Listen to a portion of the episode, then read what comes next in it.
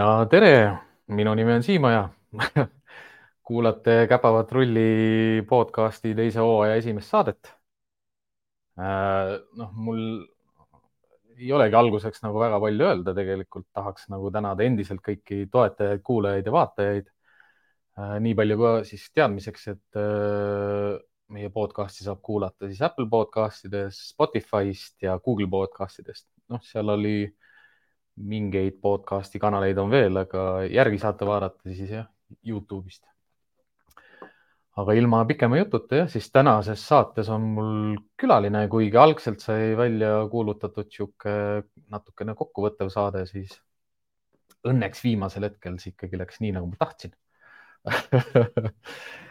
ja saatekülaline, kes, kes täna mul külas on, on noh, ma saan öelda, et ta on minu endine töökaaslane ma saan öelda, et ta on mu mõttekaaslane, ma saan öelda, et ta on mu hingekaaslane. aga noh, mina olen mees ja tema on naine aga ilma pikema jututa, siis jah, täna on äh, meil külaliseks Keiti Särg.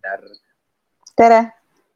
tere, Keiti. ja noh, see küsimus, mis ma kõikidele külalistele esitan, on, äh, kes sa oled? kust sa tuled? Ja kuhu sa oled minemas? ühesõnaga, mina olen Keiti äh,. Äh, tänaseks siis äh, ma töötan abilisena loomakliinikus ja ühtlasi ka siis koerakoolis äh,, annan kutsikatunde ja aeg-ajalt teen ka probleemseid koeri äh,. olen õppinud kolm pool aastat äh, Helsingis äh, loomade koolitust ja loomade käitumist ja töötanud mm -hmm. siis loomaaias, Petsidis ja Aegviidu loomakliinikus noh, mind, mis mind väga palju üllatas, oligi see loomaaias töötamise nagu etapp. Äh, ma ei mäleta, et me oleks sellest nagu koos tööl olles ka rääkinud. mida sa loomaaias nagu tegid? Äh, ma alustasin liigikaitselaboris, äh, hooldasin naaritsaid ja pärast siis, äh, kui ma tulin Betsidisse tööle ja siis ma olin vahepeal koerte hotellis, eks ole, ja siis nii kui ma sealt lõpetasin, ma läksin siis äh, äh, paksunahaliste majja ehk siis roomade peale ja aeg-ajalt siis aitasin ka teiste loomadega seal troopikamajas ja igal ninasarvikutega tegeleda. ja seal siis oli põnev, et lisaks hooldusele sai ka siis treenida mm. -hmm. no ma mõtlengi seda, et äh, mm, kust, kust sai täitsa sinu alguse nagu huvi koerte vastu koerad on mulle terve elu meeldinud, mul oli esimene koer, tuli varjupaigast, äh, kes oli probleemkäitumisega ja ta elas meiega kõigest paar kuud, kui ta jooksis rongi alla. ma olin kusagil üheksa aastane sellel hetkel ja siis ma lubasin iseendale lapsena, et äh, tulevikus ma tahan ennetada selliseid olukordi ja minust saab kunagi koolitaja, aga kõik tegid seda plaani maha, sellepärast et koolitajaks ei ole võimalik õppida ülikoolis Äh, koolitajaks ei saada, sul peavad olema noh, nii-öelda rikkad vanemad, kes võtavad sulle tuhandeid koeri, onju, ja umbes ainult niimoodi on võimalik saada, aga kui ma sain siis suuremaks ja mul tekkis võimalus Helsingisse õppima minna, ma sain aru, et tegelikult see on kõik äh, vale, mis on räägitud. Ja pärast seda siis äh, ma teadsin juba kindlalt, mida ma tahan, miks ma tahan ja kuhu ma tahan jõuda. ja täna ongi mu eesmärk siis see, et Äh, esiteks ma tahaksin äh, kasvatada iseendale head koerad ja neid suunata õiges suunas, pluss ma tahaks tegelikult siis aidata teisi, kes on kimpus, mitte lihtsalt äh, kuulekust ei tahaks õpetada, aga just kellel on niisugused arad koerad ja kes tahaksid ennast kuhugile ära joosta ja põgeneda, et siis see on niisugune minu südameteema. Okei okay,, et selline missiooni missiooni hüüdlause kui selline on siis jah, et, et sa tahaksid aidata argukoeri. just. üheksa aastane olid, kui sa siis kaotasid oma esimese koera. jah, me läksime perega koos jalutama rongijaama ja ja mul kasuisa siis äh, ütles, et ei, koerad oskavad, ei lähe kuhugile, ta on kutsikas. ma teadsin, et ta läheb, sellepärast ma olin ta jalutamas käinud, ta oli, noh, ta oli kolme-neljakuune, ta oli juba siis läinud mitmele koerale kallale ja no. jah, ma olin, mind pandi temaga jalutama nagu ja siis see oli nagu okei okay,, et nagu no lahuta ära, onju, et äh, jah, see oli nagu karm, aga me läksime jalutama, ma teadsin, et seda koera ei tohi lahti lasta, ta ei tule tagasi, kui ta läheb ja näeb mingit mm -hmm. teist koera. aga kasuisa ikkagist otsustas, ei, ta ei lähe kuhugile, et äh, tal on rihm käes, umbes, et kui võtame keti kaelast ära, see koer teab, et ta läheb kohe ketti tagasi, eks ole. kui ta kaugemale läheb, sihuke mhm. karmi käega mees, aga nii oligi, et ta lasi lahti ta ja lihtsalt enam ei vaadanud tagasi, jooksis rongi otsa ja, ja niimoodi ta seal hukka sai noh, see ongi nagu kahe teraga mõõk, et äh, mõnes mõttes niimoodi võib-olla ei peaks mitte keegi õppima, aga teisalt jälle võttes niimoodi, et, et korralik ehmatus ja, ja õppe, õppetund terveks eluks, aga kuidas sul tänasel päeval on, et kas sa seda nagu mäletad, et millal sa sellest nagu justkui, kas sul tekkis ka mingi hirm või mingi selline eelaimdus, et, et, et, et mingi paar aastat ei suutnud enam koeri nagu rihmast lahti päästa. ja mul, nagu. see oli päris suur šokk ja pärast seda toodi siis kohe teine koer majja. aga ma polnud esimese koera kaotusest veel ülegi saanud ja siis mul on siiamaani, meil toodi taksikoer ja ma siiamaani ütlen, ma ei taha taksi, ma ei taha neid näha isegi, et kuidagi see on tänase päevani säilinud, et, et mm. äh, liiga vara toodi ja mulle ei meeldinud see koer, ma ei saanud temaga selles, noh ma ei saa öelda, ma ei saanud hakkama, ma käisin temaga õues, kõik oli nagu tore, aga see oli nagu mhm. sunnitud hoolitsemine, et ma ei nautinud seda mm. -hmm.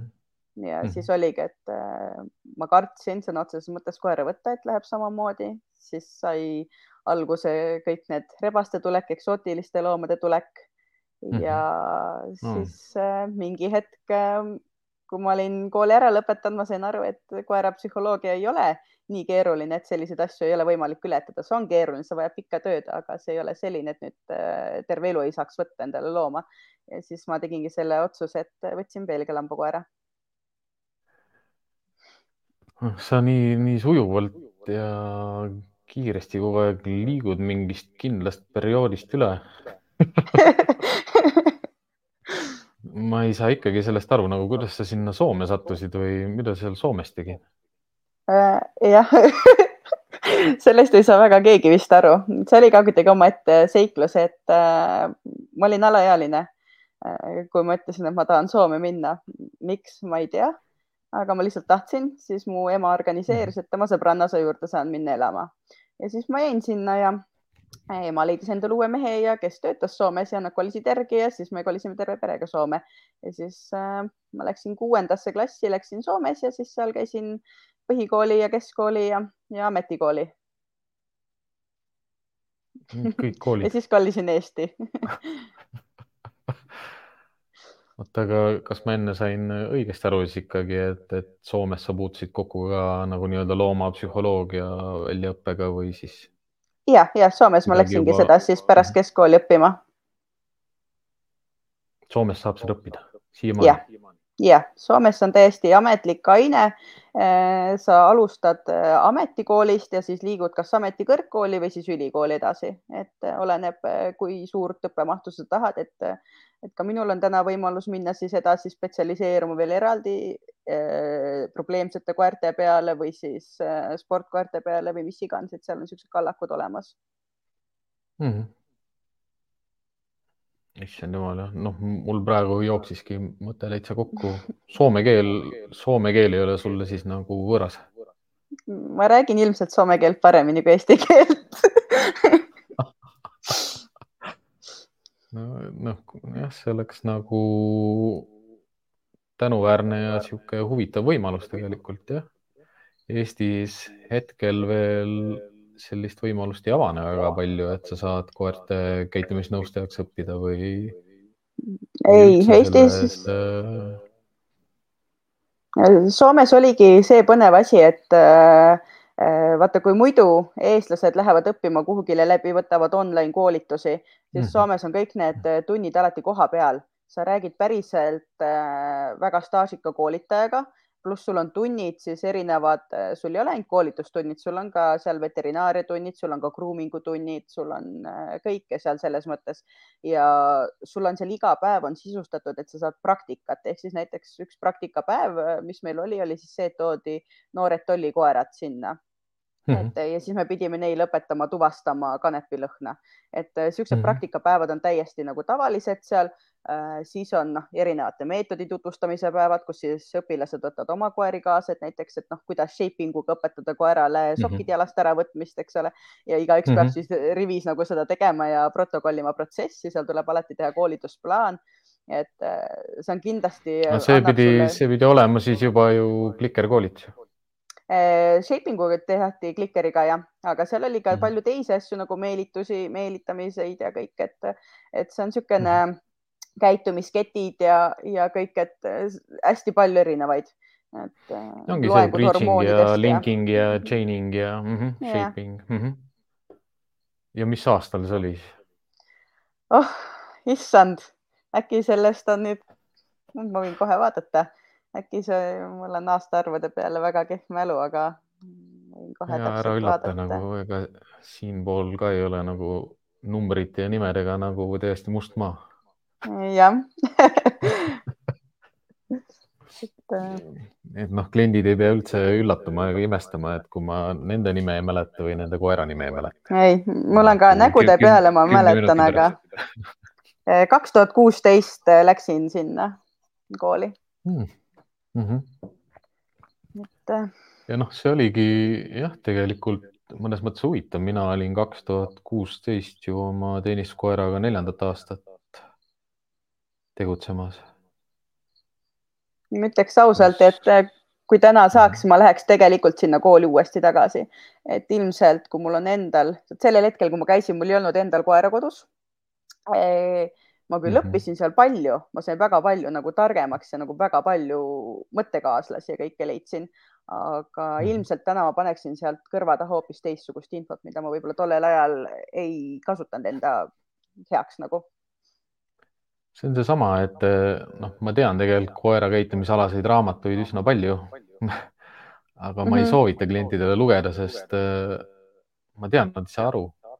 jah, nad saavad keelest aru, nad oskavad yeah. lugeda, nad suudavad seda sisu nagu lugeda, aga nad ei pane konteksti seda ja nad ei suuda seda nagu võrrelda või tuua maailma nagu näiteid ja siis ei aita tegelikult lihtsalt see lugemine mida sa ei suuda peegeldada nagu oma tegevust. Yeah..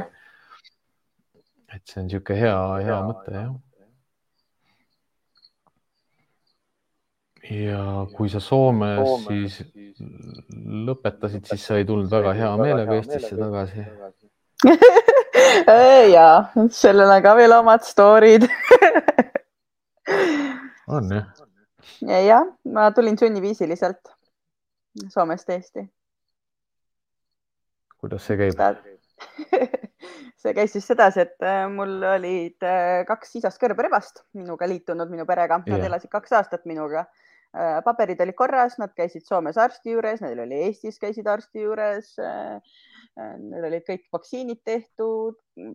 toll oli neid kontrollinud korduvalt, kuniks siis ühe hetkeni, kui ma otsustasin ühe, ühe lisasele uue kodu otsida, et tuua endale emane ja Mm -hmm. ja siis sellest tuli sihuke probleem, et see asi lõppes kohtuga siis, et algul konfiskeeriti ribasid, justkui ma oleksin nad salaja toonud riiki, aga siis, kui mm -hmm. õnneks sai võetud äh, advokaat ja sai näidatud dokumente ja meile ja kõik, et ju kõik on justkui seaduslikult tehtud ja, ja päritoludokumendid ja kõik on ka olemas, pluss tolli poolt vastused, siis äh, vabandati ja see rebased tagasi, aga et umbes, et Soomes ei tohi neid pidada enam. Äh, sellepärast, et me soovime yeah. neid kahe aasta pärast ära keelustada ja siis ma mõtlesin, et ma ei viitsi hakata oma õigusi rohkem ajama ka, ma lähen Eest ära ah soo, noh, ma alguses mõtlesin, et, et mingi sihuke, et nagu noh, sundtoomine ja sundviimine, et kohtu mingid teemad ja politsei tuli järgi ja, ja toll ja noh, aga noh, mõnes mõttes aru saada jah, et sund, sund küll selline, mis ongi huvitav, et, et sa tulid ära sealt loomade pärast. jah mul ei olnud südant, et neil uut kodu otsida mm. -hmm. ja siis tulid Eestisse oma kahe kõrberebasega. ja, ja siis äh, hakkasin vaikselt siin Eestis. juurde elama? ei, ei, vanemad elasid Soomes sellel hetkel juba. ma läksin oh, okay. õe juurde elama ja siis sealt edasi hmm. läksin vanaema juurde ja, ja siis võtsin endale enda üürikorteri. Et ja sealt siis nüüd olen mm -hmm. ennast vedanud ja nüüd siis äh, neli aastat tagasi ostsin siis äh, siia Aegviidu kanti endale oma maa ja maja. kui me koos Betsitis töötasime mm. -hmm mis aeg see sinu elus oli siis nagu, kas see oli ka see aeg, kui sa tulid Soomest mingi aeg siis just või? Äh, ma olin juba Eestis olnud äkki aasta-kaks, kui ma mhm. töötasin mm -hmm. Betsidis Äh, aga see oli selline etapp, kus mul juba hakkas paremini minema, ma leidsin endale töö, ma sain nagu kogu aeg juba paremale tööle, et algul, kui ma tulin, ma ei saanud kohe loomadega seoses tööd, aga ma teadsin, ma tahan mm -hmm. loomadega seoses tööd saada. aga see Betsidi mhm. töö tuli ka selles mõttes huvitaval viisil, et ma ei kandideerinud sinna. Äh, ma olin lihtsalt oma rebastega käinud äh, sadama kandis loomapoes kus ma siis aitasin tädi Kajal mul ei olnud midagi muud teha, kui läksin seal, aitasin tal riiulitesse kaupa panna, kuigi ma teda ei tundnud, mul lihtsalt ei olnud muud teha, ma tahtsin loomadega tegeleda ja loomaasjadega. Kaja töötas siis ju teises loomapoes ja,? jah, jah, jah. ja siis ma sattusin Betsidisse ja Kaja tundis mind ära ja siis me mhm. jäime seal rääkima ja ta pani kaupa välja, ma aitasin ka tal kaupa välja panna ja siis tuli juhataja, kes sina oled ja siis ma ütlesin, et mina olen Keiti ja aga kas sa ei taha siin töötada? ma ütlesin, et tahan ikka ja siis niimoodi see sündiski.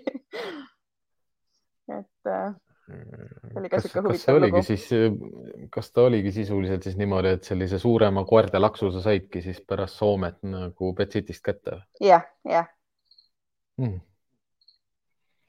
jah, ma, ma kogu aeg proovin mingil määral nagu meenutada seda, et kuidas me esimest korda kohtusime. Ma isegi ei mäleta seda. selliseid mul on selliseid mälupilte nagu noh, erinevate Betsiti hotellitöötajate esimeste mm -hmm. kohtumistega et noh, kellele ma läksin appi, et nad ei, koer ei saa, noh, koer ei lase teda hotellist välja või kellele ma läksin appi, et mõnda koera, mõnele koerale rihma kaela panna või yeah.. mul on mingid sellised mälestused ka, et noh, meil olid kassid ka seal ju, meil olid vahepeal kilpkonnad, vahepeal olid küülikud. ja, ja kõike oli seal. Ja noh eks ma seda ka ikka mingil määral mäletan, et me käisime ju koos ka koeri jalutamas. jah, jah. aga jah, ütleme jah, üld, üldjoontes ta ongi niisugune hästi hägune maa, sest mida ma olen äh, koertega koos nagu elamisest või koertega koos liikumisest nagu tähele pannud enda psüühikas ka, et mm, -hmm. et kui sa võtad ikka hotellist nagu kuus võõrast koera mm, -hmm. korraga, siis sa tegeled koertega mm. -hmm, sa ei tegele yeah. mingi inimsuhetega või sotsiaalse olekuga. nii on no,. sa oled, sa oled nii koertesse keskendunud, et, et tõenäosus, et sa üldse märkad midagi muud nagu maailmas väga palju samal ajal on nagu kaduvväike, võib-olla mõnda teist vastu tulevat koera. minul on selline nagu seik meeles, et eh, kus oli üks, eh, kas see oli äkki saksa jahiterrier või mingi jahiterrier mm -hmm. oli meil hoius, pruun. oli, oli ja, ja, ja, ja see oli hästi reaktiivne tänaval, ma mäletan ja siis sa õpetasid mulle, kuidas talle neid, et sa õpetasid mulle, kuidas talle neid rihmasid peale panna, et temaga üldse jalutada oleks võimalik, et seda ma mäletan. ja, ja ta oli, ma arvangi, et äh, see on üks, üks nendest äh, üheksakümmend üheksa koma üheksa protsendist koertest, kellest see üks, null koma null üks protsenti on ongi noh, agressiivne mm, -hmm. nagu päriselt agressiivne. jah yeah instinktiivselt agressiivne selles mõttes, et mit, ta ei ole paha, ta ei ole vihane, ta ei ole närvihaige, ta ei ole stressis, aga ta lihtsalt ongi, ründab kõike, mis liigub. nagu ilma pikemalt mõtlemata. et see oli niisugune kihvt koer jah, ma olen tegelikult temast kuulnud pärast seda veel sest noh, ma arvan, et noh, need küsimused, mis selle koeraga seotud on, ei ole ka järgnevate aastate jooksul nagu lahenenud. okei okay.. kui Betsitis oli igasuguseid koeri. Oli, oli, oli ja see andis väga tugeva põhja. Äh, sa nägid nagu väga hästi ära, kuidas inimesed tulid, tõid oma kõige armsamad ja sõbralikumad koerad sulle hoidu ja nii kui see uks läks kinni seal omaniku taga, sa nägid, kuidas see koer värises, haukus seal puuris, sest ta oli nii stressis, ta ei saa aru, miks teda just hüljati. ja siis su mõte on see, et okei okay,, mhm. kas, kui ma teen nüüd selle ukse lahti, kas ta läheb, tardub äh, või ta jookseb mulle vastu ja kallale või mida ta üldse teeb, et seal ei ole niisugune mõistatus, seal ei ole niisugune riski peal, et okei okay,, teeme lahti, vaatame, kuidas ta käitub mm, -hmm. eks ole. et mm, -hmm. et see andis tegelikult koerte kehakeele lugemisoskusele tohutu kasutõuke mm. -hmm. ja noh, ja see õpetab seda enesekontrolli ka väga palju. jah, jah et noh, et kuidas sa ise liigud ja millist asendit sa just selle keha nagu ülemisel osal hoiad, et, et sa ei kummardaks liiga palju ette või oleks liiga ähvardavalt nagu suur. ja noh, me pidimegi, noh, hotellis sa pead ju alati tegema selle ukse lahti ja minema selle koera yeah. territooriumile, kes seal sees on ja kes kardab ja on noh, argagressiivne mm. -hmm. see õpetab, õpetab palju jah, aga noh, selleks ajaks, kui ma Pet City's tööle hakkasin, siis ma olin ju seitse aastat õpetanud koeri inimesi hammustama. nii et noh, mul, mul ei olnud väga raske nagu nendes boksides järjest käia, sest noh, need olid siuksed nagu vatis kasvatatud koerad. aga jah, eks ei oli ikka probleemseid ka jah. aga on sul võib-olla meeles mõni sihuke koer, kes sulle kõige rohkem nagu meelde on jäänud? Oi, need on tegelikult palju, aga võib-olla ma tooksin äh, näite kahest dogist. üks oli pime, ta oli lumivalge, ta oli pime, ega mm -hmm. kui ma ei eksi, ta oli isegi kurt. ja ma mäletan, et see teine dogi seisis tema eest ja need pandi ühte boksi, nad -hmm. olid sõbralikud, avatud, kõik oli hästi mm. -hmm. aga siis, kui ma tegin nad lahti ja siis suurem või tähendab, see valge hakkas kartma ja siis tuli see teine sealt tagant välja, hakkas lihtsalt lõrisema peal, siis mul oli see, et nagu okei okay,, mis sa nüüd järgmiseks teed, et nagu, kas sa ründad mind või sa lihtsalt nagu seisad mu ees? Ja siis me seisime, mäletan, mingi mhm. kümme minutit seal nagu lollakalt vaatasime nagu üksteisele, ma ei saanud astuda mitte kuhugile suunas, ma üritasin astuda nagu ukse poole kogu aeg, aga see oli niisugune mm -hmm jah, et mul ei olnud ennem dogidega kokkupuudet olnud ja siis mul oli noh, kaks dogi, üks dogi, kes kaitseb teist ja teine on pime, ei tea üldse, kuhu ta kõnnib, et siis see oli niisugune ärev situatsioon. ja no neid dogisid ma mäletan, nad olid seal suures boksis jah yeah. paremas osakus kätte jah. paremas jah, number kuus oli isegi äkki number ma, ma mäletan seda kõdet, kõnet ka, mis ma sain, et ma peaksin appi tulema, aga minu arust ma olin nii kaugel mm. -hmm. et ma ei jõudnud kohale sinna jah. Ei, aga me saime nii ilusti välja sealt, et ei olnud nagu hullu, aga see oli kindlasti niisugune, et äh, kuna ta oli kurt ja ta oli pime, siis ma ei teadnud, kuidas ta reageerib, kui ma nüüd kusagilt poolt lähen, sest et vaata, seal on nagu see ka, et et üks asi on nagu okei okay,, tal on teine koer, kes on nii-öelda tema silmad, aga seal oli ka see, et ma täiega mõtlesin, mäletan seda, et, et kustpoolt ma nüüd liigun, et kustpoolt see nüüd lõhn läheb tema ninna, et, et kas ta siis nagu läheb nagu üritab näksata seda suunda, kust see lõhn tuleb või, või tuleb see lõhn mhm. kaarega kuidagi, et siis mul käis siuksed kalkulatsioonid peas läbi, et nüüd kuhu, kuhu suunas ma nüüd peaksin astuma, et, et ta ei saaks aru, et ma liigun arvesta, arvestad meetreid ja vahemaad jah? ja no ongi jah no,. täna ka... ma kindlasti käituksin no... teistmoodi, aga see oli õppetund. mitu koera meeles sealt, kõige, kõige muljetavaldavam oligi see papilloon või see pisikene jaapanlaste koer, kes kogu aeg toodi sinna. Ingliskeelsesse kes... ankeet oli kirjutatud, et temaga jalutada ei ole vaja ja ah,. ja, ja tõi hamstri sellest. silmad ju vaatasid ju yeah. niimoodi kõrvale, tal oli nii väike pea mm. -hmm, seda ma mäletan ka. mäletan mäletan, ma käisin temaga kevadel kogu aeg jalutamas ja sügisel ja suvel ja talvel ja iga ilmaga talle nii meeldis jalutada. Yeah.. siis, kui sa said ta sellest nagu oma sellest kapslist välja, siis ma ei mäletagi, kas ma talle rihma üldse panin külge. ja ta tuli alati teiste koertega kaasa, ta ei tahtnud ka maha jääda, ta veel vaatas niimoodi mm -hmm. küljega niimoodi oma kõõrdis silmadega, et kuhu minnakse. Ja, ja oli jah ma mäletan veel, kuidas ma ja... pidasin loengut nendele omanikele, et tal võib olla vabalt tavaline joogitops ka, sest kui alguses, kui ta toodi, tal oli see hamstri jootja, et ta pidi sealt kogu aeg lakkuma, et saada pisikest tilka kätte, et ja siis nad vaatasid mind suurte silmadega, et ei, aga Jaapanis kasvatataksegi koeri sedasi, et nagu me ei käi koertega õues, nad joovadki nagu hamstrijootjast, et ei läheks vesi ümber. ma olin nagu, mis asja, kus planeedil te elate? Ma ise ka naljatan nendega kogu aeg, et, et nad kasvatavad vist koeri samamoodi nagu neid bonsai puid, et, et lihtsalt pügavad aeg-ajalt natukene ja, ja lihtsalt peab ilus välja nägema, et noh, midagi muud ei ole vaja teha. ta oli ju täitsa lume, lumivalge ka. oli, oli, oli. aga noh, ma mäletangi seda, et äh, see oli ainuke koer, keda ma tasuta gruumingus kogu aeg pesin, sest noh, ma tahtsin temaga jalutamas käia ja noh mm, -hmm. ma mhm. teadsin, et talle meeldib jalutada, aga noh, ta sai mustaks iga kord yeah.. ei saanud ju musta koera ju omanikele üle anda, siis nad said iga, iga hotelli külastusega said tasuta gruuminguga endale kaasa. Noh, nemad, nemad ise seda muidugi ei tea, jah. Mm.. eks seal, eks seal jah, oli, huvitav ja, ja oligi palju õppida ja, ja saigi ka selliseid sotsiaalseid eksperimente üsna palju tehtud nii enda peal kui ka, kui ka teiste peal. see oli, ütleme nii, et põnev aeg elus mm. -hmm. noh, me jõuamegi siin, Enge juba pani tähele, et Keiti kaadris on, on veel üks saatekülaline.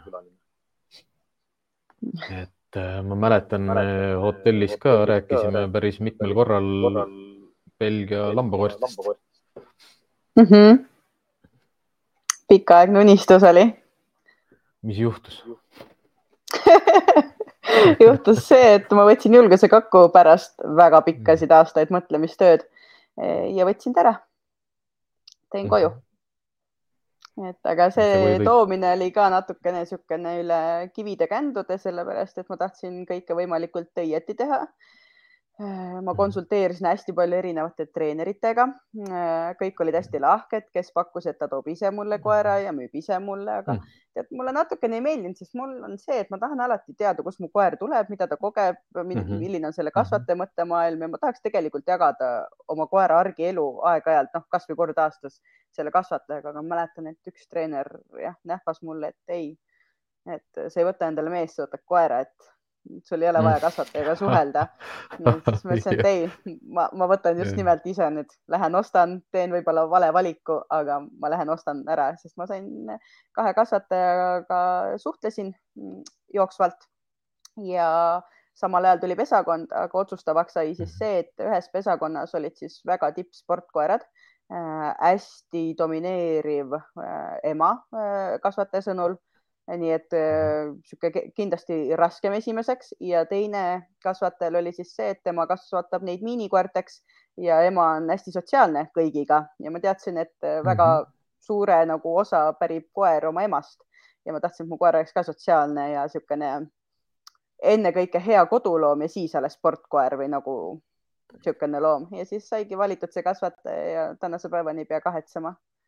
et äh, suhtleme ja koeraga olen rahul ja ma just proovingi seda loogikat nagu mõelda jah, et ma otsustan endale Belgia lambakoera võtta.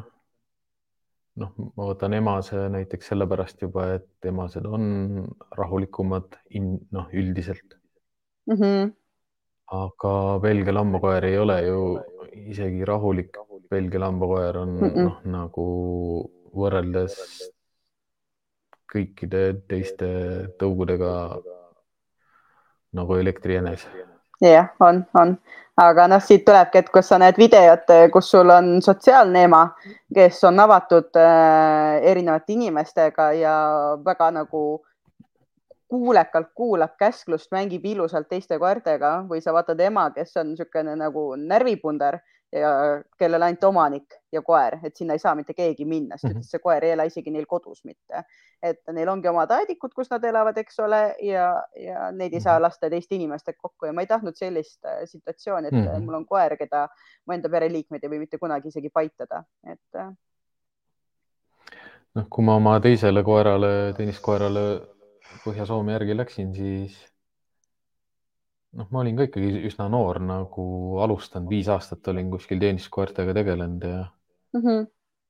sõitsin sinna hoovi, käisin ühest majast mööda, nägin seal aknast sisse, näen kutsikas.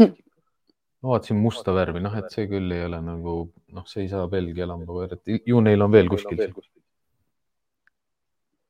ja selle koera ema oli keldris lukus mm. -hmm. ehk siis noh, ma ei näinudki selle koera ema, ma kuulsin selle koera isa. aga ma olin müüdud, kui, kui see kutsikas toodi nagu tuppa mm. -hmm. ma andsin talle oma sokki haarde. ta ei lasknud sellest lahti, ta rippus selle küljes mm. -hmm. kõik, noh, saagiinstinkt väga tugev, täpselt see, mis mul vaja on, müüdud diislist sai nagu väga asjalik teenistuskoer jah, aga loomulikult, ega kui ma oleks omale koju perekoera valinud, ma ei oleks elu sees seda kutsikat võtnud nagu noh mm -hmm., Neverina miljoni, et vahet ei ole, kui palju sada kilomeetrit ma sõidan. see oleks yeah. nagu nii vale otsus see ongi no, peeglastega nagu. halb nagu mm. -hmm hästi paljud belglaste kasvatajad kasvatavad neid äh, ikkagist täiesti isolatsioonis nii inimestest kui teistest koertest, et nende ainukesed saavutused ongi kas tööl või platsil. et äh, see on niisugune jah, tavaline nende puhul, ma arvan. mis mulle ka Belgia lambakoera puhul meeldis, oli see, et et äh, sellel ajal isegi näituseliini veel ei olnud, nüüd juba ma tean, Eestis hakkab juba vaikselt seda sisse tulema, et, et keegi räägib juba Belgia lambakoera justkui nagu näituseliinist, noh, mida iganes. Mm, ma ei kujuta ette. noh, ma, ma, mulle meeldis see filosoofia ja see lähenemine selline, et, et, et, et Belgia lambakoer ongi ainult tööliin olemas kõik nad on töötavad koerad, sul ei ole mingit muud varianti, seal ei ole mingit, et võib-olla ta ema oli näituse koer ja isa oli IPO mm -hmm. koer või võistluskoer. et ma tean, et mu noh, isa, isa oli seal IPO üks, kaks, kolm ja ema oli ka üks, kaks, kolm ja PH-d ja linna kuuleku, noh, kõik asjad, kuulekused, asjad kõik olemas.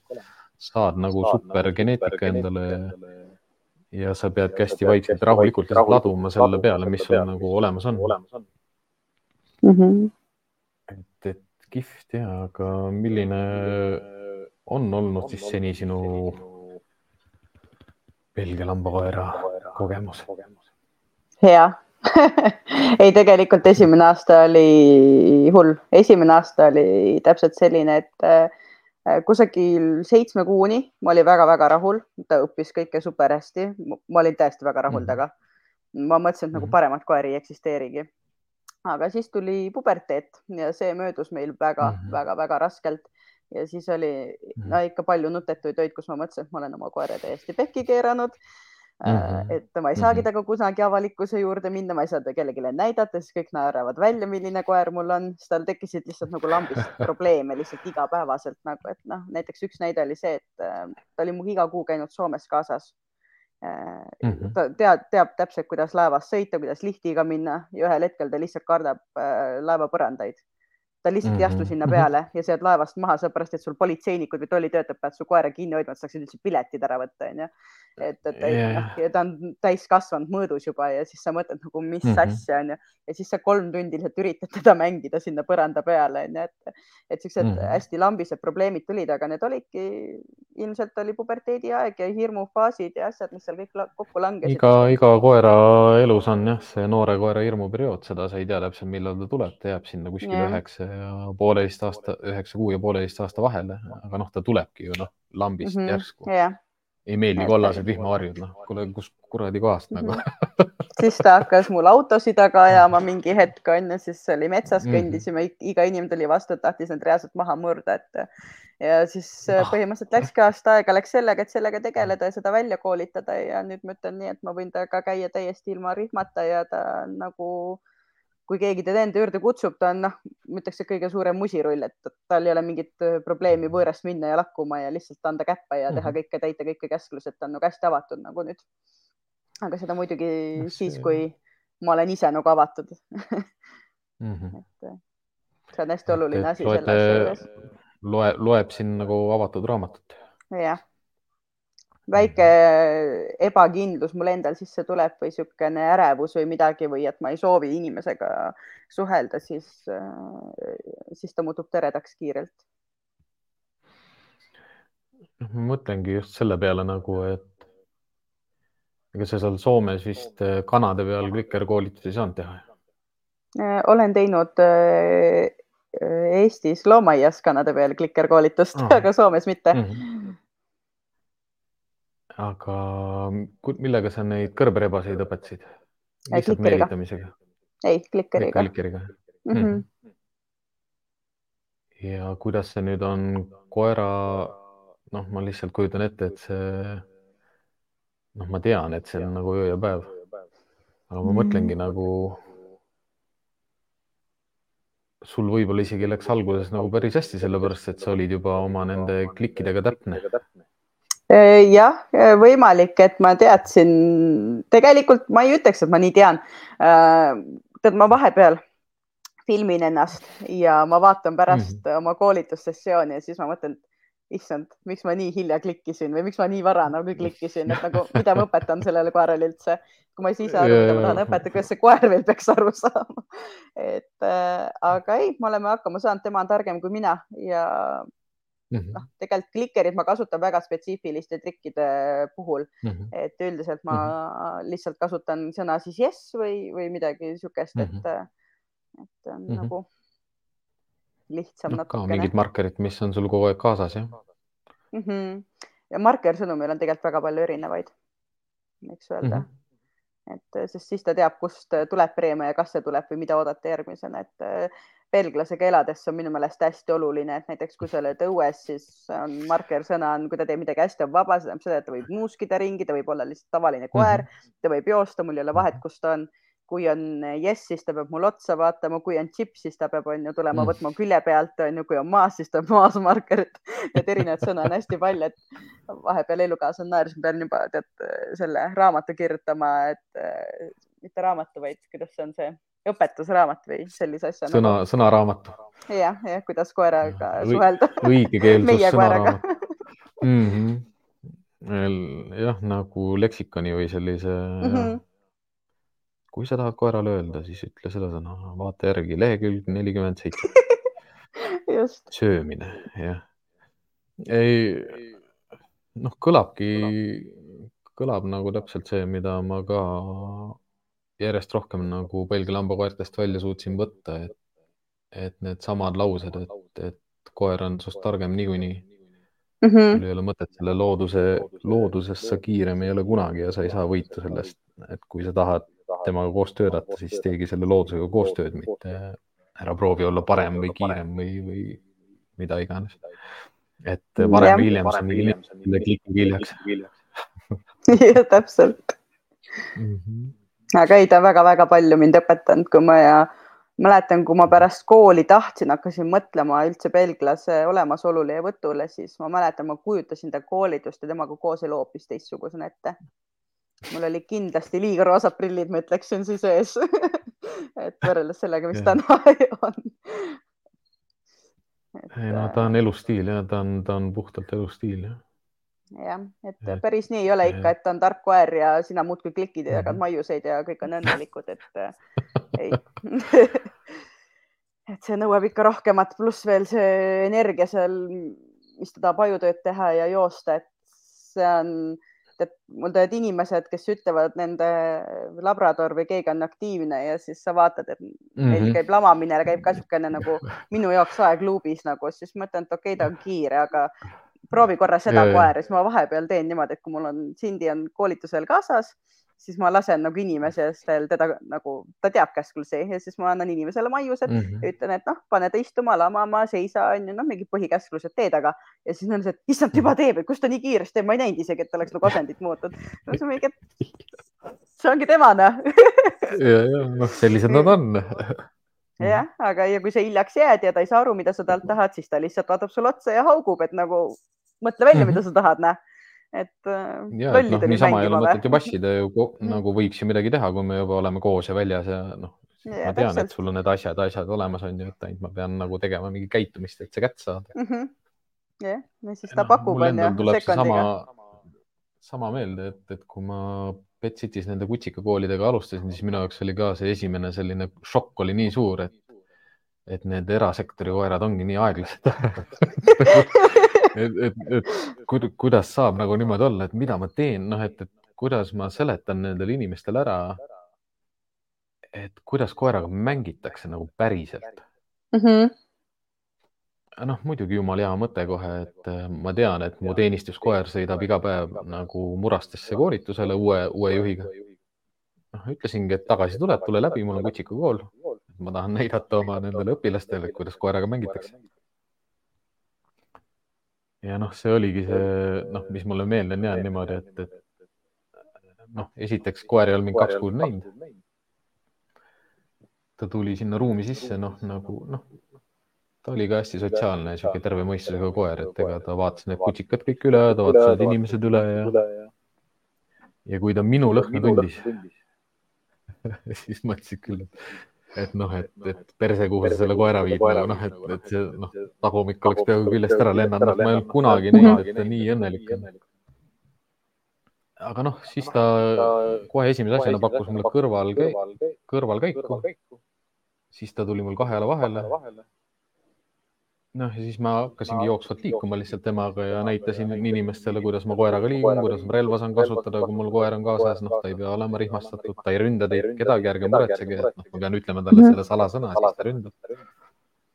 ja siis ma näitasin, kuidas koerad markeerivad esemeid, noh, toovad mulle neid esemeid tagasi, kui ma luban. ja siis ma näitasin, kuidas koertega nutsudega mängida. ja pärast osteti poed nut-, pood nutsudest tühjaks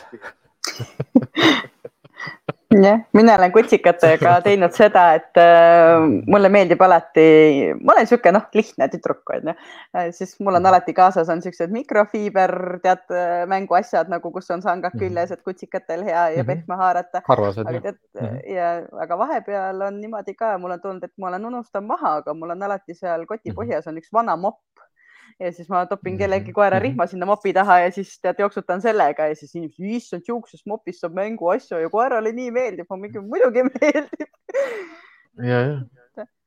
ja no samamoodi mul Betsitis oli ka ükskord, kui ma unustasin äh, mänguasjad kaasa võtta, mis ma tahtsin ja siis ma ka rebisin lihtsalt ühe froteerätiku pooleks ja sidusin otsadesse noh, otsad kinni mm -hmm. ja saingi sellise mänguasja jälle, kus noh, on natuke kõvem koht, on natuke pehmem koht, saad keskele haaret anda, saad otsa haaret anda, saad meelitada ja tekitada seda saaki, noh, kõik asjad saab mäng, mängitud tegelikult mm. -hmm. ja noh, Belgia lambakoer ongi sellepärast hea tõuk ka, et ta õpetab ka sellele inimesele, kes nendega tegeleb noh, olema valvsam, olema teravam, olema tähelepanelikum, mitte liiga palju üleliigseid liigutusi teha no..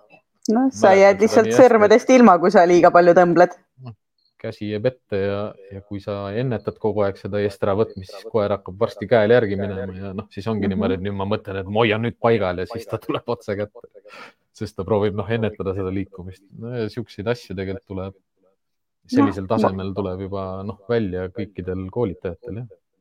Tuleb, et äh, see, et ma lõpetan treeningu veriste sõrmedega, see on belglase puhul ütleme, et esimene aasta oli tavaline, sest et need hambad ikka mhm. välkusid kiiresti ja mina olin liiga aeglane.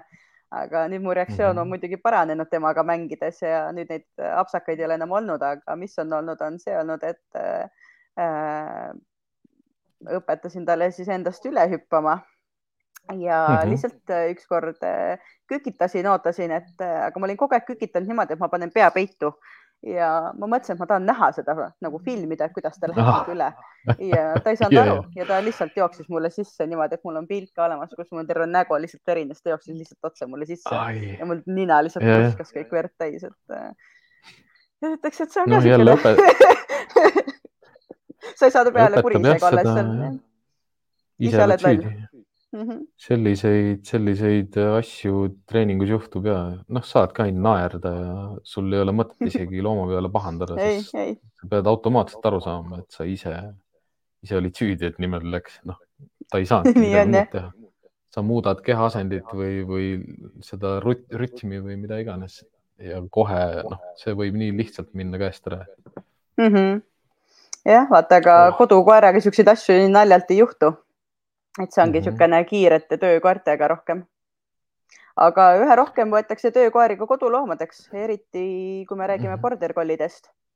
ja see on toonud kaasa minu meelest ka natukene uue probleemi, et võetakse äh, päris palju niisuguseid vägevaid äh, tööliini border collie'si nii-öelda Mhm. harrastuskoeraks, esimeseks koeraks.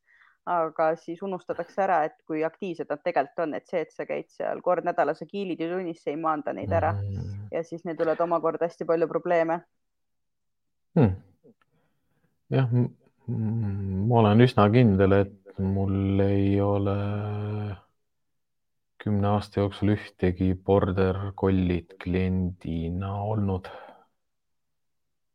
Ma olen selle eest nendega praegu palju kokku puutunud mm -hmm. või noh, kas just palju, aga omajagu, et mm. -hmm. no sul on võib-olla mingi sihuke hea piirkond. ei tea jah. noh, üldiselt noh, minu jaoks ongi see pilt on selline valdavalt läbiv, et minu jaoks ei ole töötavad liinid King Charles Spaniel ja mops. ja ilmselt ka Chihuahua. aga kõikides teistes on rohkem või vähem on terrierid sees. rohkem või vähem on karjakoera, rohkem või vähem on lambakoera, rohkem või vähem on kaitsekoera noh, kõik pullid ja, ja bullterrierid ma ikkagi panen terrier või pulli nagu noh mm -hmm., mida see pulli veel peab tegema, kui mitte pullilt ninast kinni võtma ja ta maha suruma et noh, neid kõik, kõik tõud on, kelle juurde satud, kelle probleeme lahendad. ikka vahend, vaatan neid nagu läbi, läbi selle töö. noh, läbi selle töö, milleks ta on aretatud mm. -hmm. ja kõik saab lahendatud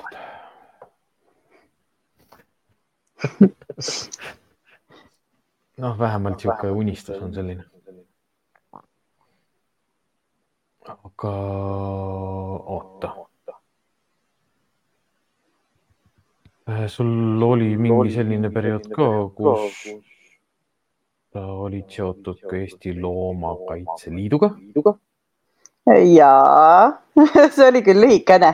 Ähm, või noh, kas just nii lühikene, ma olen tegelikult olnud seotud metsloomadega, nende abistamisega, siis mm. jah, Loomakaitse Liiduga ja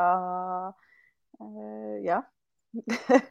Aga see jäi kõik tervise tähelepanuks paljud metsloomad tulidki siis minu juurde või mu tuttavate juurde ravile ja pärast läksid loodusesse tagasi mm. -hmm. et äh, mingi no, periood ma tegin seda ka. vigastatud loom ja yeah.. Mm -hmm. ja, ja sealt siis mm -hmm. sündis äh, päris kiiresti Metsloomaühing omakorda veel välja mm, -hmm. aga ma siis mm -hmm. lõpuks nii-öelda panin, ma ei saa öelda ameti, see oli lihtsalt sihuke abistamine lihtsalt oma vabast ajast aga see sai siis kõrvale lükatud, kui mu tervis halvenes ja siis ma keskendusin mingi periood oma tervisele, selle ülesaitamisele. ja nüüd siis äh, ma tegelen jälle koertega mm. -hmm. Äh, Aegviidu loomakliinik. jah. tahad sa sellest rääkida? ja noh, see oli ka nii, et ma kolisin siia Aegviidu külje alla, siis ikka läksid jutud mm -hmm. liikvele, et oh, meile mingi loomainimene nüüd kolib, onju. ja siis tuli arst, et noh, kas sa verd kardad? ma räägin, ei karda. väga hea, mul on operatsioonidel abikätt vaja, tuled sa käppima? mingi olen ja siis äh, ta on mind põhimõtteliselt ise välja koolitanud ja nüüd me siis jah, käime seal, teeme steriliseerimisi ja kastreerimisi ja mis sinna juurde kuulub oh praegu, praegu töötad seal? jah, et kui on mingid mm -hmm. opid tulekul, siis olen alati seal mm. -hmm. ja koera spordiklubi Sõprus?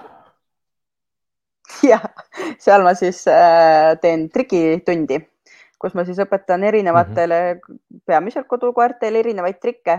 alati küsitakse, et oh, aga mis trikke sa õpetad ja see nüüd on selline, ma ütleks, et see hästi palju sõltub inimesest ja koerast, et äh, Nad tulevad, ma küsin alati, mis on nende ootused, et mõni tahab, mul on tulnud täiesti inimene, kellel oli kaheksa aastane koer ja ei osanud lamada. tema suurim trikk oligi see, et ta õpiks lamama põhimõtteliselt selle omaniku meelest nagu. ja mm -hmm. on selliseid, kes tahavad saada siis mingit ma ei tea, kõhu pealt saltosid või, või tagurdamisi seina peale ja, või et äh, tooks mm -hmm. inimesele teki peale, et noh, neid hästi palju erinevaid süllehüppe mm -hmm. võib-olla kõige mm -hmm. klassikalisem, mida tahetakse, see on peaaegu igas tunnis mm. -hmm. mänguasjade koristamine on kindlasti niisugune, mida igas tunnis kõik vist õpivad mm, -hmm. siis on ka niisugune, et kõik tahavad seda et mm -hmm. siuksed mingid äh, regulaarsed trikid ja siis on jah, et mida inimene Need ise tahab. Need on siis nagu grupikoolitused või, või saad individuaalselt ka nagu läheneda? ei, ma selles mõttes, et igale ühele lähenen individuaalselt, aga üldiselt ongi nii, et mhm. praegu mul on grupis ka on siis äh, kaks koera, tavaliselt neli, neli on maksimaalne, mis ma võtan. praegu on kaks koera ja siis ongi, et ma, üks on suur koer, teine väike, ma ei saa neile õpetada juba sellepärast summutrikke et mm -hmm. aga põhimõtteliselt äh, praegu ongi nii, et suur koer teeb siis kätes niisugune ülehüppamine koos ringiga, eks ole, ja väike teeb mm -hmm. siis praegu tagurdamist usinalt ja ümber inimese tagurpidi ringis äh, nagu keerutamist ja et niisuguseid äh, hästi palju erinevaid trikke teeme ja mõtleme välja. et see on niisugune no, põnev ja kutsikaid teen ka. imelike asjade õpetamisega tuligi meelde, et tuli üks vanem naisterahvas, tuli oma Yorkshire Terrieriga. ja ta mure oli see, et ta koer ei oska voodisse tulla. Okay. kui ma noh, tavaliselt õpetan alati seda, et, et ärge noh yeah., koera tuleb kutsuda voodisse, koer tuleb lubada voodisse, kui sa ütled, siis koer peab ära minema voodist. ma tegin selle naisega siukse täitsa kolmsada kaheksakümmend kraadi pöörde ja hakkasin koerale õpetama, kuidas voodisse minna. ise. aga jah, ma ikkagi soovitasin tal siukse väikse trepi osta, et, et noh, et ta ei mhm. pea, ta läheb trepist ilusti üles, pott-pott-pott-pott. Mhm. nii tore nagu noh, vaheldus sellele, et, et kui sa kogu aeg tegeled probleemsete koertega ja agressiivsete yeah. koertega, siis järsku tuleb mingi naisterahvas, kes tahab lihtsalt, et sa õpetad ta koera voodisse minema. Mhm. noh, palun väga, palun väga mulle meeldib selles mõttes kutsikaid ja trikikursus kõige rohkem, et äh, ma praegu teen kodukuulekust ka, aga edaspidi ma väga ei tahaks seda anda. Äh, just sellepärast, et äh, see on stressirohke. tegelikkuses kodukuulekusse Äh, sa teed ühtse trennikava valmis, mida te õpetate, aga reaalsus on see, et sul enamasti tulevad sinna probleemkoerad, äh, kes on agressiivne mm -hmm. inimeste vastu, kes on agressiivne koerte vastu, kellel on null mhm. õpet tal ja sa ei saa nendega seda kava välja viia ja ehk siis sa hakkad kõigiga mm -hmm. individuaalselt tegelikult midagi tegema ja siis sa teed nendega eratunde, eks ole, leiad lahendusi, et see on alati niisugune kurnav mm, -hmm. aga trikkides on alati see, et äh, sa vaatad, mida inimene tahab, sa annad talle juhised, ta teeb mm. -hmm ja kutsikatega on ka see, et sa mhm. saad alati nagu ennetada neid probleemkäitumisi, et noh, et ongi, et näiteks kuidas me ennetame mhm. ressursi kaitsmist on ju, kuidas me ennetame rihmas mhm. sikutamist ja noh, kõik siuksed asjad, et siis sa mängid nendega läbi ja see on niisugune lõbus inimestele ja koertele ja tead, see on niisugune, annab endale ka power'it nagu mm. -hmm. no oligi, ma tegin ühe sellise lõpuklassi uurimustöö ühe õpilasega koos, et see pealkiri oligi uurimustööl, et kas vanale koerale saab õpetada uusi trikke mm. -hmm. ja selle koer oli neljateist aasta vanune Chihuahua. Sindi kallis. Amigo. ja Amigo sai kõik asjad selgeks, mis me talle õpetasime, samamoodi lamamise, koha peale mm -hmm. minemise, kohtade vahetamise, asjade alt ja üle minemise, noh, käsu peale et nagu noh, see oli minu jaoks ka kindlasti selline äh, ka tore õppetund jah, sest ega ma ei mäleta, et ma oleks pidanud kunagi professionaalselt neljateistaastast tšivauat kulutama meil oli koolis oli üks äh, Romaanias päästetud tänavakoer, oli kolmeteistaastane mhm. kurt äh, ja siis teda oli vaja koolitada, tal oli niimoodi sõrm, sõrmed jah, vabandust, Äh, küüned olid kasvanud niimoodi nagu ringi, need mm -hmm. olid tal juba läks käpapadja mm -hmm. sisse ja oli vaja siis mm -hmm. kuidagi positiivselt need sealt ära lõigata, et ta nagu ei kardaks ja ei satuks paanikasse mm, -hmm. et äh, narkoosi all ei tulnud nagu kõne allagi sellel hetkel seal Soomes neid lõikama hakata ja, ja siis, aga mm -hmm. meil kulus üks kena pool tundi selle peale, kuidas me üldse sellele koerale nagu ütleme, et tubli või hästi ja siis me töötasime mm -hmm. siis kamba peale välja selle, et okei okay,, et aga ta ju näeb, järelikult teeme niimoodi mm. -hmm. ja iga kord, kui oli pöial, siis ta teadis, et ahah, nüüd ma saan maiuse et eh, siis sellega saime teda Mhm. nagu rahustada ja siis saime samal ajal lõigatud küüned ära, et ilma, et oleks seal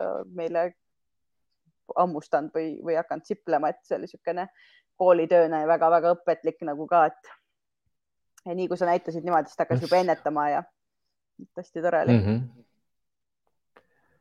Mäletan ka neid, noh, sattuski Betsitisse, no ikka õnn oli selles suhtes, et kolm-neli pimedat koera, kui mitte rohkem ja, ja oli kurti koera, ma olen saanud ainult kas ühe või kaks korda koolitada.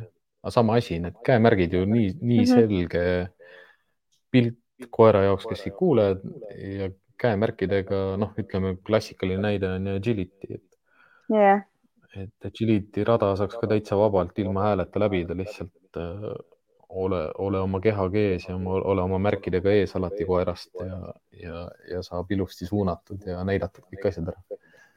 noh, mida Jah. ma inimestele alati räägingi, et et sa ei pea oma koeraga nii palju rääkima. noh, sa pead talle tegema selgeks need sõnad või need käemärgid või Mhm. need kehakeele, mida, millest ta aru peab saama, et noh, hea näide ongi ju see, et kahe, kaks aastat järjest on maailmameister äh, kurt koer ja tumm naine. et noh, nad saavad seda teha täiesti nagu kõrgel tasemel, ilma et neil on mingi konkreetne sihuke hääl, häälsilpide nagu süsteem, millega rada, rada läbib.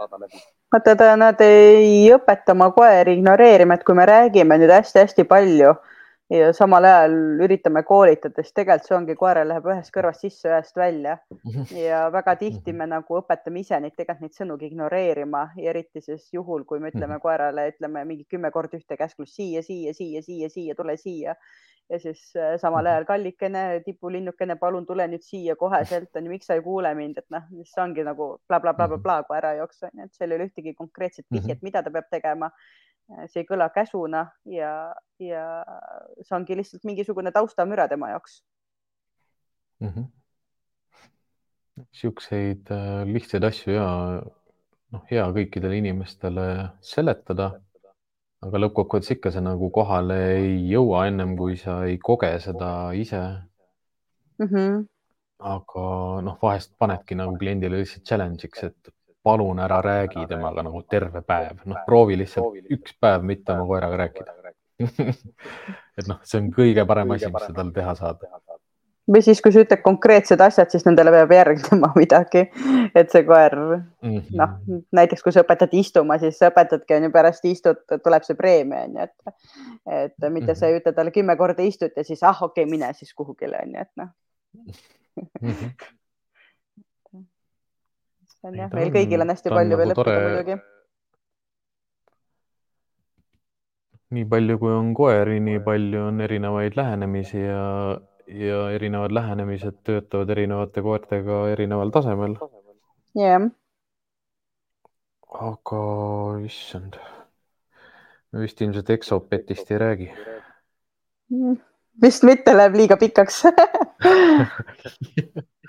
no mõtlengi, sa oled nagu hunt Kriimsilma seitse ametit, et äh, samamoodi jõudnud igale poole ja hästi kirju, tihe ja selline mitmekülgne teekond olnud. mis Jah, olekski noh. väga oluline nagu igale sellisele looma või noh, veel enam koerakoolitajale jah. noh, jah, siin äh, vahepeal, kui ma sain kaheksateist või oli üheksateist või siis sai üks raamatki välja antud. noh, nii lihtsalt lõbu pärast siis sai tehtud öö, oma firma, kus ma siis kasvatan erinevaid roomajaid ja nüüd müün nendele ka siis tarvikuid ja sööta, üritan nende elu natukene Eestis paremaks teha. ja jah, koerte pealt ka ennast igapäevaselt ikka harin ja õpin midagi uut. noh, seda ongi hea kuulda sinu, sinu enda käest, et sul on iga see tegevus, mis sul loomadega on, on alati selline mission statement või selline lause on alati nagu varrukast võtta, et, et mis on sinu selline missioon selles valdkonnas või siis nende loomade või, või selle noh, asjaga, mida sa lood või teed. Ja vaata, mingi eesmärk peab olema, sest et äh, kui sa, kas, kui ma ütlen oma õpilastele ka nagu, kui sa koolitad ilma eesmärgita, siis ei saavuta kunagi tulemust tegelikult, mida sa mm. tahad. sul peab olema alati nagu see visioon, et kus sa näed ennast selle koeraga, mida ta teeb, kuidas ta käitub. et äh, kui sa tahad, et sulle lihtsalt koer, kellele sa ütledki kakskümmend korda istu ja ta ikka ei allu sulle, vaid jookseb minema, onju. või sa tahad koera, kellele sa ütled istu ja ta teeb seda sekundiga, vahet ei ole, kas ta on sinust eemal või sinu kõrval, et nagu kui sa tahad, et ta oleks mm. sinu kõrval ja koheselt, siis noh, treeni selleks vaata, noh, sa peadki panema sinna oma aega, oskusi, jaksu, kõike, eks ole, et äh, see ei ole mm. kerge, aga kui sa tahad ja kujutad seda ette, siis sa saavutad selle, et ei ole mõtet niisama lihtsalt nüüd minna kursusele ja okei okay,, noh, ma pühapäeval koolitan ja siis ülejäänud aja noh, koer jookseb lahtiselt aias ringi onju ja rohkem kordagi ütle, et see mm -hmm. ei too tulemusi jah, noh, kui see sinu see koolitaja pool kokku võtta, siis äh, äkki jagadki, et kus kohas sa koolitusi teed ja kus sind nagu leiab? Äh, praegu ma olen äh, koertekool Sõpruses, annan siis grupitunde kutsikatele ja trikikursusele, aga mhm. teen ka siis eratunde siin kohapeal või siis sõidan kliendi koju, et neid muidugi vähem praegu, aga mhm. noh, saab ka neid kui on vaja, siis saab minuga ühendust võtta. kus see Sõpruse koertekool on? see on Sauel. Sauel mm? -hmm. Saue piirkond mm. -hmm. aga teen kodus äh, siis äh, Aegviidu kandis mm -hmm. ka mm. -hmm. kõik, mis ja Panija vald ja Kuusalu ja mm. -hmm. oo, see on äge kant. see on väga äge kant aga kuhu siis edasi? tead, ma ei tea. sa rääkisid mulle mingist kutsikast ja, ja edasi ühesõnaga edasi, edasi tuleb mul siis järgmisel aastal loodetavasti tuleb niisugune äh, tore kutsikas nagu Kuuli äh,. see on siis niisugune algne karjatõug Austraaliast karjataja. Mm, ta ei ole Euroopas ametlik tõug, äh, ta on niisugune hästi iidne tõug.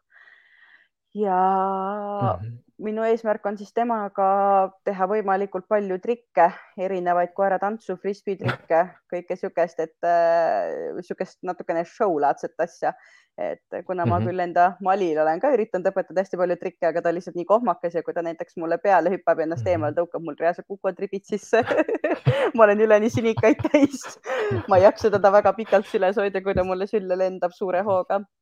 et mm -hmm. mm -hmm. Väiksemat koera on selle jaoks vaja tahad natuke pehmemat, väiksemat, aeg, veidikene aeglasemat, võib-olla kergemat natukene, jah? jah, ta tuleb kaalult on niimoodi, et selle konkreetse kutsika ema siis on kaheksa kilo, isa on kaksteist kilo, siledakarvaline kittkõrv oh..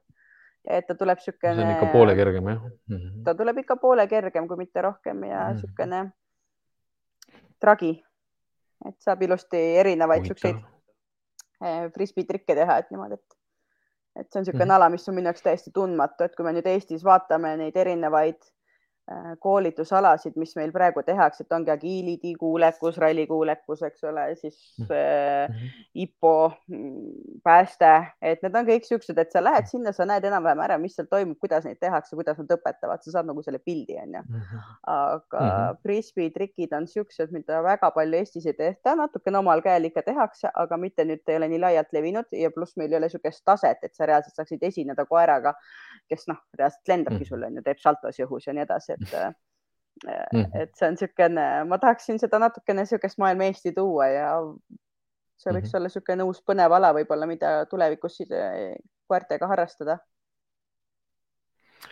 kõlab nagu plaan mm. -hmm. mul oli ka pikalt ja, ja intensiivselt oli plaanis selline ninatöö, ninatööklass või grupikoolitus jah, aga noh, ei jõudnud kunagi selle tegemiseni ja noh, tänaseks päevaks ikkagi ongi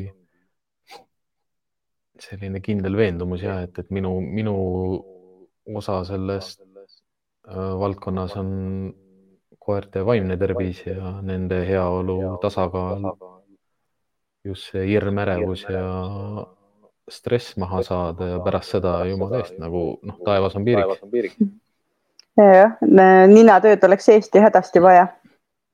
et mm -hmm. seda meil tehakse liiga vähe, ma ütlen täna ausalt see on ka väga fun jah, ja koertele, noh, koerad on kuuskümmend protsenti nina. jah yeah.. noh, mida, mida sa siis veel nendega mängid, kui mitte ninaga. just aga jah, ta ei ole, noh, küll me jõuame. ma loodan. kui meil on sellised tublid ja toredad inimesed Eestis olemas, sinu näol ja ma julgen öelda ka minu näol minna saab ainult paremaks ei, meil on tegelikult Eestis väga palju häid treenereid mm, -hmm. aga mm, -hmm. aga kahjuks äh, paljud neist ei taha või ei anna siis avalikult tunde, millest mul on hästi kahju mm. -hmm. et mul on enda mm -hmm. sõprusringkonnas noh, ikka siuksed inimesed, kellel ma ütlen, et ma vaatan alt ülesse nende teadmiste ja nende mm -hmm. koerte peale, et ja siis mõtled, et mida kõike nad no. võiksid saavutada aga inimese enda valikud. küsimus ongi alati seal see, et noh, üks inimene ühe koeraga ei ole veel üks inimene kõikide koertega. jah, jah, seda ka. jah, noh, seal peab see kooslusega nagu vedama ja, ja sobima ka alati, jah. aga kindlasti nagu teenistuses nägi ka väga palju seda, et ega selle koera materjalis ei olegi eriti vahet, kui see kui seesama inimene koolitab endale uue koera, siis see koer on täpselt samasugune nagu eelmine koer. Mm -hmm. alati see ei ole hea, kui ta eelmine koer ka oli nagu sõna otseses mõttes sitt. jah, see oli karmilt öeldud noh, jah, see on mulle nii teravalt nagu meelde jäänud, et, et tegelikult väga palju niisugust lollust ja tead-, noh, pigem ongi see teadmatus, mida on hästi palju ja natuke võib-olla liiga palju ja mida saaks väga palju noh, murda tegelikult ja lihtsalt ja ei ole raske. aga noh, nagu ka sinu puhul, et, et, et noh, ma tahaks ka Eestis näha seda arengut, et, et me saame kooli minna õppima ja tõendama oma teadmisi ja oma kompetentse ja kinnitama neid yeah. kinnistama neid ja veel edasi arendama kindlasti me jõuame sinna, sinnamaani ka lähiaastatel, ma üldse ei kahtlegi selles. see oleks hädavajalik no,, sest et. Ma, siis ma tean, kelle juurde ma seal Saue ja Aegviidu kandis siis hakkan suunama oma, oma koerainimesi, kes on huvitatud veel jätku, jätkukoolitustest. sest see, millest sa räägid, kõlab, kõlab täpselt nagu plaan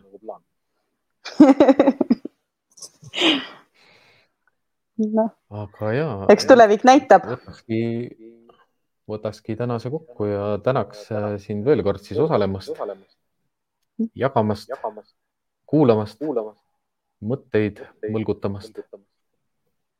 ja eks mul on niisugune tunne, et me kohtume üsna pea veel. noh, kus me pääseme. ei pea võõraks jääma. ei pea aga olgu, ma võib-olla olen hetke veel siis oma kuulajate-vaatajatega koos, ma saan sulle öelda head õhtut ja tänada sind veel kord kõige eest ja, ja öelda sullegi suur aitäh ja kohtumiseni. aitäh, kohtumiseni. Sindi tahaks hea meelega juba minna õue möllama. oo jaa. okei, tšau. tšau, Sindi, tule ütle ka tšau. tšau, Sindi, kus sa oled? Sindi, tšau. Hello, ahaa, no vaata, kui ilusti kuulab täpselt sihuke nagu tark koer olgu, tšau-pljau. tšau. Siim, kuule, kas sa kuuled mind? ja ma kuulen sind. sa eksisid kahel korral. kahel korral? ja, sa ütlesid persse ja sitt koer. mis asi? sa ütlesid persse ja sitt koer. et nagu sa mõtled just see nagu sa just vaata. lastele ei sobi. Keitit enne saadet nagu ütlesid, ei ropenda. ei tohi ropendada. noh, nüüd kõik, kõik, kes veel, veel vaatavad ja kuulavad, siis nemad teavad ka, et me oleme ka ainult lihtsalt inimesed. ikka kipume eksima. ja, ja. Dagmar on siis minu, minu abiline, kellega te ilmselt olete näinud ka. mida mida ma tahtsin veel jagada, oli seda ja, et äh, järgmise nädala külaline on meil ka teada. ja tema on Pedro Boel Nuhv-Nuhvi päevaaiast. see, millest me räägime, see, mis on äh, vestluse tulemus, seda me ei tea, millega te peate arvestama, on sellega, et vestlus toimub inglise keeles algusest lõpuni täielikult, austades Pedro Pedro keelt ja siis ka seda, et, et ma ei jäta talle nagu mitte midagi niimoodi arusaamatuks ega, ega mõistmatuks oma, oma tegevustes ja käitumistes äh,. mis on veel oluline, on see, et kui te meid kuulate, vaatate, jälgite, siis on alati hea meel, kui te ka tellite meie Youtube'i kanali, siis te ei jää ühestki uuest osast ilma. ütleme podcast idesse helifailina osad lähevad üles siis päeva või kahega. Ilmselt, kui te olete ka tellinud või olete jälgijad ka ütleme siis Spotify's või Apple podcast ides, siis te saate ka teavituse, kui sinna uus osa üles tuleb ja jätkuvalt siis tänu ka meie kõikidele toetajatele me suudame nii vaimselt kui materiaalselt jätkata podcasti ülekannetega. ja arendused siis selleks aastaks on äh, planeeritud selliselt jah, et me ikkagi saaksime endale äh, kaks mikrofoni, kaks kvaliteetset mikrofoni korraga ühendada arvuti taha niimoodi, et ei ole kaja, nagu täna oli, on heli kvaliteet ja on järgi kuulata ja on mõtteid mõlgutada ja ma loodan, et täna nagu ei, ei seganud ka võib-olla nii väga see, et, et, et minu hääl kogu aeg käis nagu topelt läbi. Ja järgmine saade, luban, et tuleb väga huvitav ja sisurohke, aga tuletan veel kord meelde jah, et see saab olema inglise keeles. ja noh, juba Keitiga oleks ka jõudnud selle sama väljaütlemiseni, mida ma iga saate lõpus ütlen, et äh, teadmatus ei ole lollus. olge huvitatud, tundke huvi, õppige. Inimesed kui ka koerad õpivad terve oma elukaare jooksul. nii et olge tublid, head õhtut ja kohtumiseni järgmisel nädalal kell pool kaheksa õhtul otseülekandega Nuff-Nuffi päevahoiust. tšau. taram-param, taram-param